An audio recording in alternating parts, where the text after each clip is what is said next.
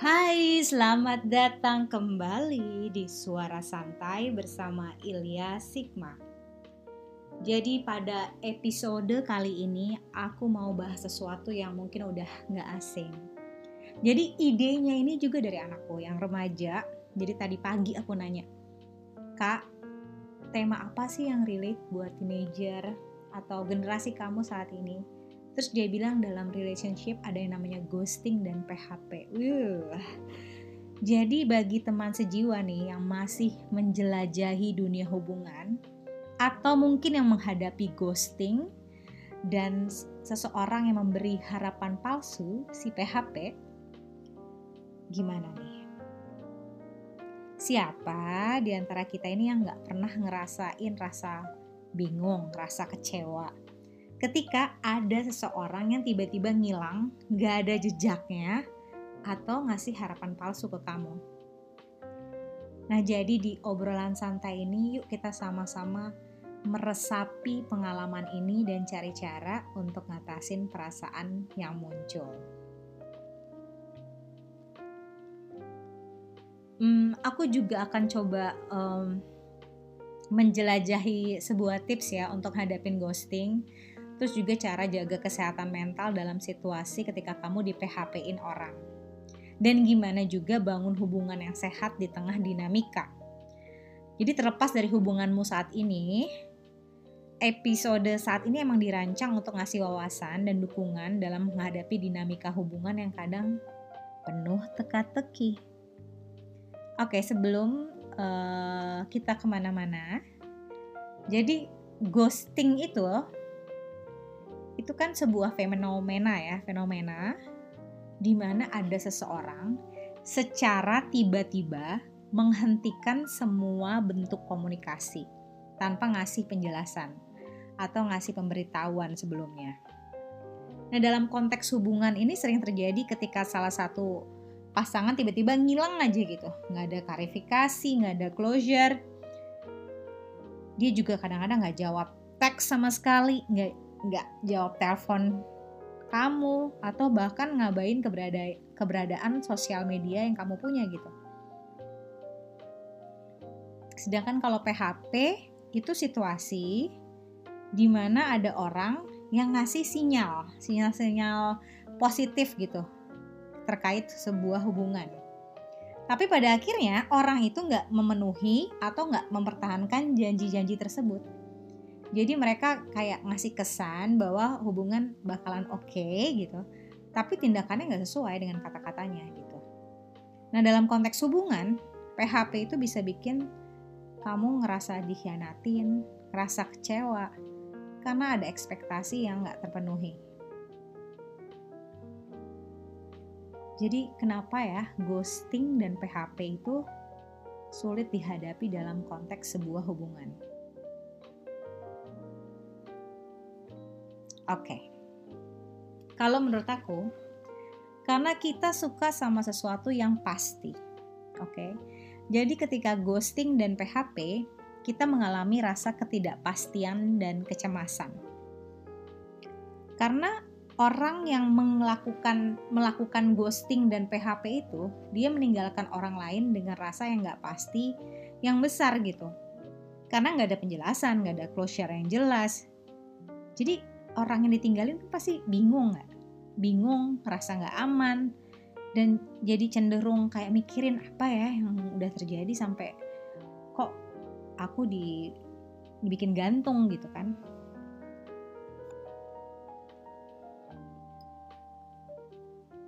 Lalu uh, selain itu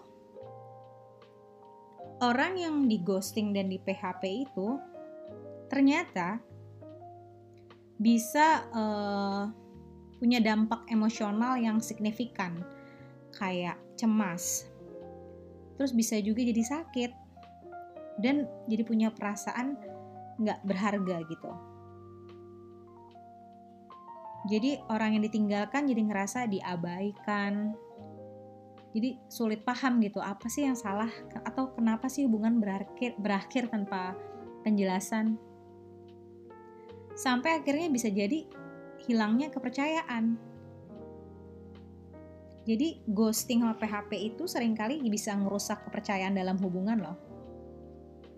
Sehingga akhirnya ketika kita mau membangun hubungan baru, mau move on, itu agak sulit gitu. Karena untuk bangun kepercayaan lagi dalam hubungan berikutnya, ada pengalaman yang traumatis yang dialamin. Sehingga jadi sulit gerak maju dong. Karena ketika nggak ada closure yang memadai gitu, seorang yang alami ghosting dan PHP itu sulit untuk melanjutin atau sulit untuk move on. Jadi kayak ada terjebak gitu dalam pertanyaan. Atau mungkin ada bisa juga terjebak dalam rasa hmm, bersalah gitu. Sehingga akhirnya ada orang-orang yang sulit untuk membuka diri untuk sebuah hubungan yang baru.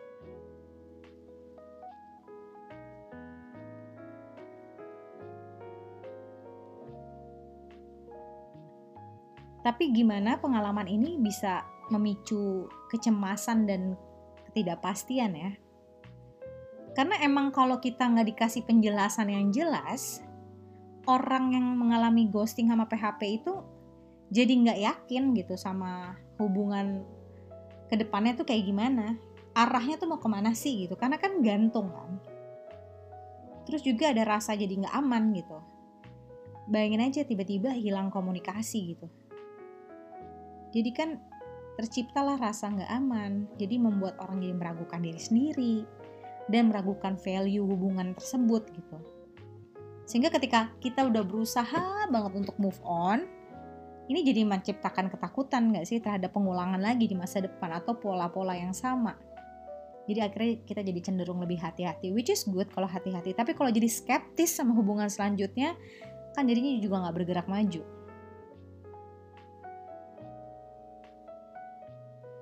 Jadi memang perlu banget pemahaman yang mendalam.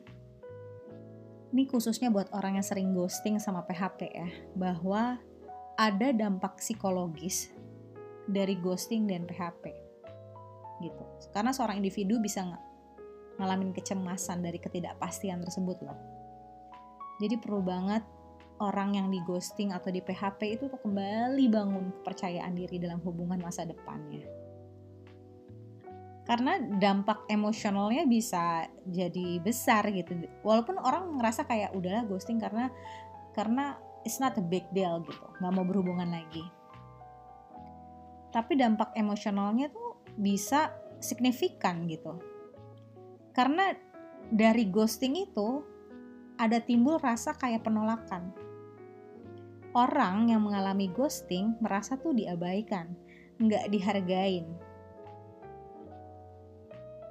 dan juga mungkin jadi nggak berarti bagi orang yang ghostingin tersebut.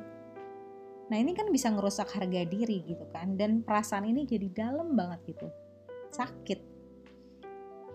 Lalu bisa juga jadi hilang percaya diri, bisa hancurin kepercayaan diri orang loh. Sehingga kita mulai deh meragukan nilai diri, apakah aku layak ya untuk dapat hubungan yang sehat atau bahagia, Lalu belum lagi orang yang ditinggalkan dalam ghosting itu sering banget berada dalam keadaan bingung. Terus bertanya-tanya, apa yang udah terjadi? Apakah ini salah aku? Terus lalu ada rasa bersalah gitu dan pertanyaan-pertanyaan yang berkepanjangan dan ini juga dapat bikin proses penyembuhan jadi lebih kompleks.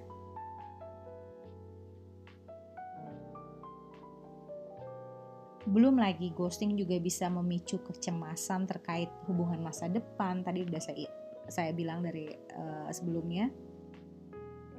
Jadi orang bisa takut untuk terlibat dalam hubungan yang baru. Karena kalau um, ketika kondisi tersebut begitu berat gitu ya atau uh, begitu menyakitkan ada ketakutan yang mendalam gitu. Karena berpikir akan kembali bisa diabaikan atau ditinggalkan. Dan yang bahkan yang lebih parah lagi, bisa ngalamin gejala depresi setelah mengalami ghosting. Terutama bagi orang-orang yang sulit untuk meresapi perasaan tersebut. Ada rasa kesepian, terus rasa isolasi gitu sering muncul terutama jika orang tersebut nggak punya dukungan sosial yang memadai. Dan kenapa sih emang sulit untuk meresapi perasaan di ghosting atau di PHP ya jelas kalau kita nggak dapat closure yang jelas sulit nerima gitu. Karena gimana ya orang udah berjuang untuk memahami apa yang terjadi dan kenapa hubungan berhak berakhir gitu? Tapi caranya tiba-tiba tapi nggak dijelasin. Jadi kan kayak nggak pasti. Lalu mereka punya tantangan untuk menerima kenyataan. Menerima kenyataan bahwa orang yang kita cintain itu memilih untuk ngilang tanpa jejak itu tantangan loh. Sehingga buat buat orang yang menerima kenyataan tersebut untuk merasa meresapi kenyataan itu dan mengakui bahwa hubungannya udah berakhir itu sulit karena belum jelas gitu. Sehingga ada perasaan-perasaan penolakan. Kayak rasanya tuh nggak berdaya gitu akhirnya jadi sulit untuk membuka diri sama proses emosional. Atau bagi sebagian orang akhirnya jadi menutup diri.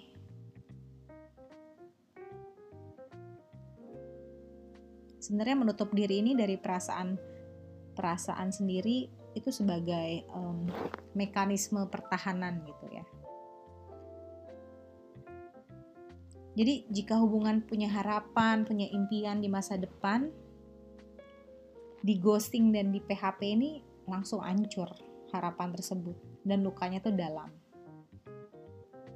Jadi untuk meresapi kenyataan bahwa rencana masa depan bersama itu tiba-tiba berakhir aja udah. Itu proses yang nggak mudah loh.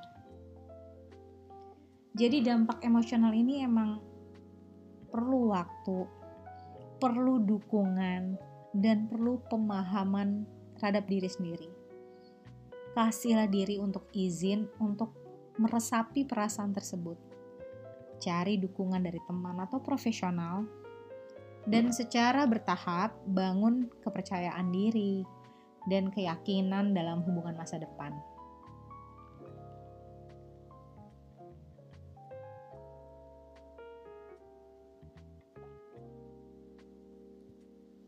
Dan mungkin ini adalah uh, tips ya untuk ngatasin kecemasan saat kamu mengalami di ghosting gitu ya. Yang pertama yaitu praktek meditasi dan mindfulness. Karena ketika kita melakukan meditasi dan mindfulness, ini bisa membantu kamu meredakan kecemasan dengan membawa perhatian ke momen yang sekarang. Latihan breathwork atau pernafasan dan kesadaran terhadap tubuh dan pikiran tuh bisa mengurangi tingkat stres. Lalu juga jangan lupa untuk uh, melakukan aktivitas fisik atau olahraga. Karena ketika olahraga itu cara efektif untuk melepaskan ketegangan emosional dan fisik. Jadi ningkatin produksi endorfin, nah hormon kebahagiaan itu juga bisa ngurangin tingkat kecemasan. Jadi pilihlah aktivitas fisik yang kamu nikmatin. Kayak lari, sepeda, yoga, tai chi, boxing, atau apa pun yang kamu rasa kamu cocok gitu. Nah, yang ketiga, kalau ada waktu luang dan ini kalau buat aku ini sangat berjasa, nulis dalam jurnal. Karena nulis tuh dapat menjadi bentuk ekspresi diri yang bermanfaat. Jadi coba aja nulis dulu tentang perasaan, tentang pemikiran kamu setiap hari dalam jurnal. Nah, hal ini tuh bisa bantu kamu memproses emosi, terus juga bisa menyusun pikiran, dan juga ngelihat perkembangan perasaan dari waktu ke waktu. Progresnya tuh kelihatan gitu ya. Lalu keempat, mulailah bergaul dengan teman dan keluarga. Jangan ragu untuk bagi perasaan, tapi dengan teman atau anggota keluarga yang kamu percayai. Karena ketika kita diskusi pengalaman gitu ya dengan seseorang yang mendukung, itu kita bisa dapat perspektif baru. Bisa dapat dukungan emosional. Jadi membuat kita terasa connected gitu terhadap orang lain. Tapi kalau udah sulit banget, udah mengganggu banget, udah nggak bisa diatasin, diatasin sendiri, pertimbangkanlah untuk cari bantuan dari profesional kesehatan mental. Psikoterapis atau konselor dapat kasih dukungan yang terarah dan bisa ngasih strategi coping gitu yang lebih dalam. Lalu keenam nih ya. Coba alihin perhatian dari situasi ghosting dan fokus sama pertumbuhan diri sendiri Jadi kamu bisa netapin tujuan apa sih yang ingin kamu capai secara perlahan gitu. Dan bangun lagi rasa kontrol atas hidup kamu gitu. Jadi kamu yang kontrol hidup kamu ini. Nah itu bisa bantu ngurangin rasa nggak pasti dan cemas.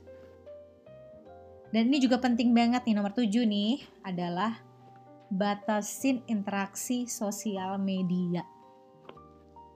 Karena kenapa? ngelibatin diri berlebihan sama sosmed itu bisa memperburuk rasa cemas. Jadi coba deh pertimbangin untuk batasin waktu di platform media sosial. Apalagi kita kalau ngelihat aktivitas mantan atau orang yang kita nggak terlalu suka gitu ya, itu bisa micu emosi yang nggak diinginkan. Lalu yang kedelapan, kasihlah izin sama diri sendiri untuk ngerasain perasaan yang muncul. Gak perlu ditolak, gak perlu ditekan. Karena semakin ditolak dan ditekan, itu semakin kuat rasanya. Jadi resapi dan terima perasaan tersebut itu adalah langkah penting dalam proses penyembuhan. Dan ini, yang kesembilan ini adalah lakukanlah sebuah rutinitas sehari-hari yang konsisten Karena ketika kita bisa uh, mempertahankan rutinitas yang konsisten, kita kan jadinya bangun habit kan. Kita jadi ngasih sebuah structure gitu sama stabilitas. Itu bisa ngurangi rasa cemas. Karena ada foundation gitu dalam hidup sehari-hari.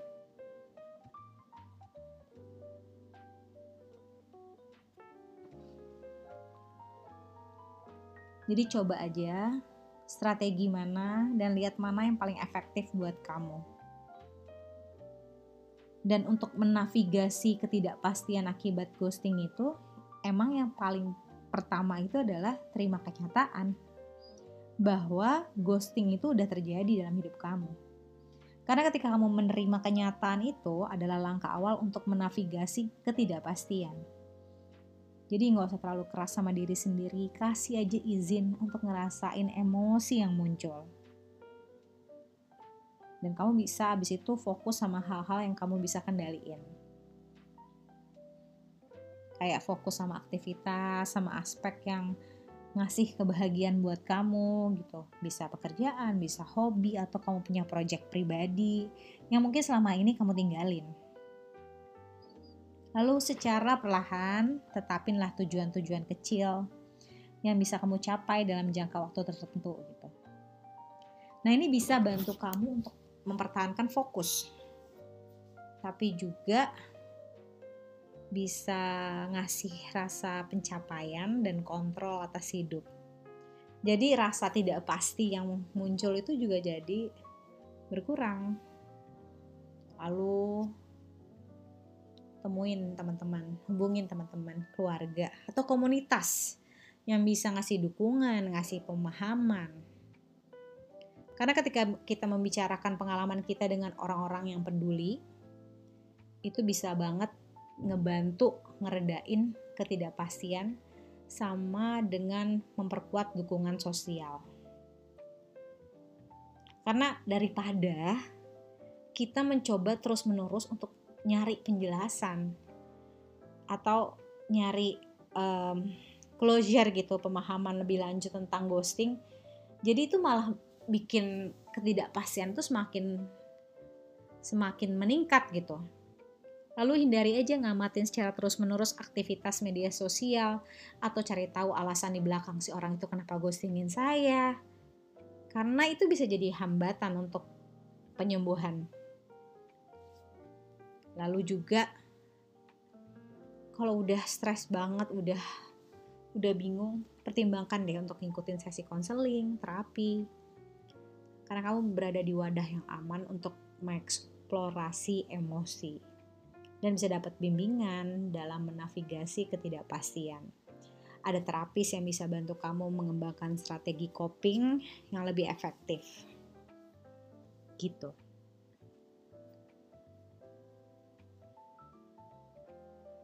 Jadi memang ya kita tuh perlu banget bangun kesehatan mental dalam sebuah hubungan. Karena ketika kita connect dengan diri sendiri, kita jadi paham memiliki kepemahaman yang kuat tentang diri sendiri. Termasuk di dalamnya adalah kebutuhan, ada value yang kita punya, bahkan boundaries yang kita punya.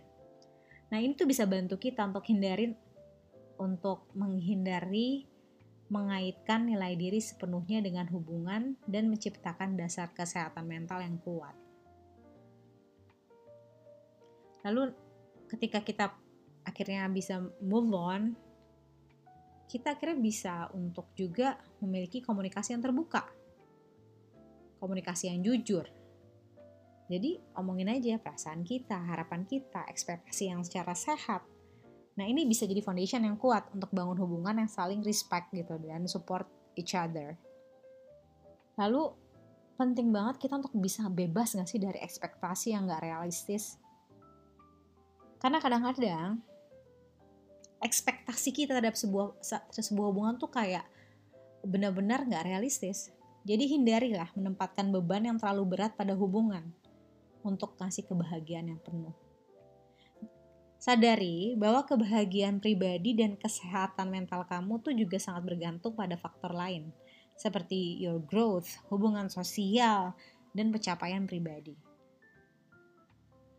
Jadi ingat bahwa kamu tuh individu yang unik, punya kepentingan, punya hobi, punya tujuan pribadi, nggak usah ngorbanin sepenuhnya identitas kamu untuk sebuah hubungan. Jadi pertahankan kehidupan yang seimbang, dan pastikan kamu punya ruang pribadi, your own space, dan waktu untuk diri sendiri. Karena kesehatan mental kan inti dari kesejahteraan yang secara holistik itu penting banget. Jadi prioritasin deh perawatan diri, tidur cukup, aktivitas fisik, praktek kesehatan mental kayak tadi aku udah bilang meditasi. Ini bisa bantu kamu untuk tetap seimbang dalam menghadapi sebuah tantangan dalam relationship. Atau jika kamu sekarang sedang dalam hubungan gitu ya, coba pilih mitra atau partner yang mendukung dan menghargai kesehatan mental kamu. Hubungan yang sehat itu membangun, bukan menghancurkan. Apalagi kalau menghancurkan kesehatan mental kamu sendiri.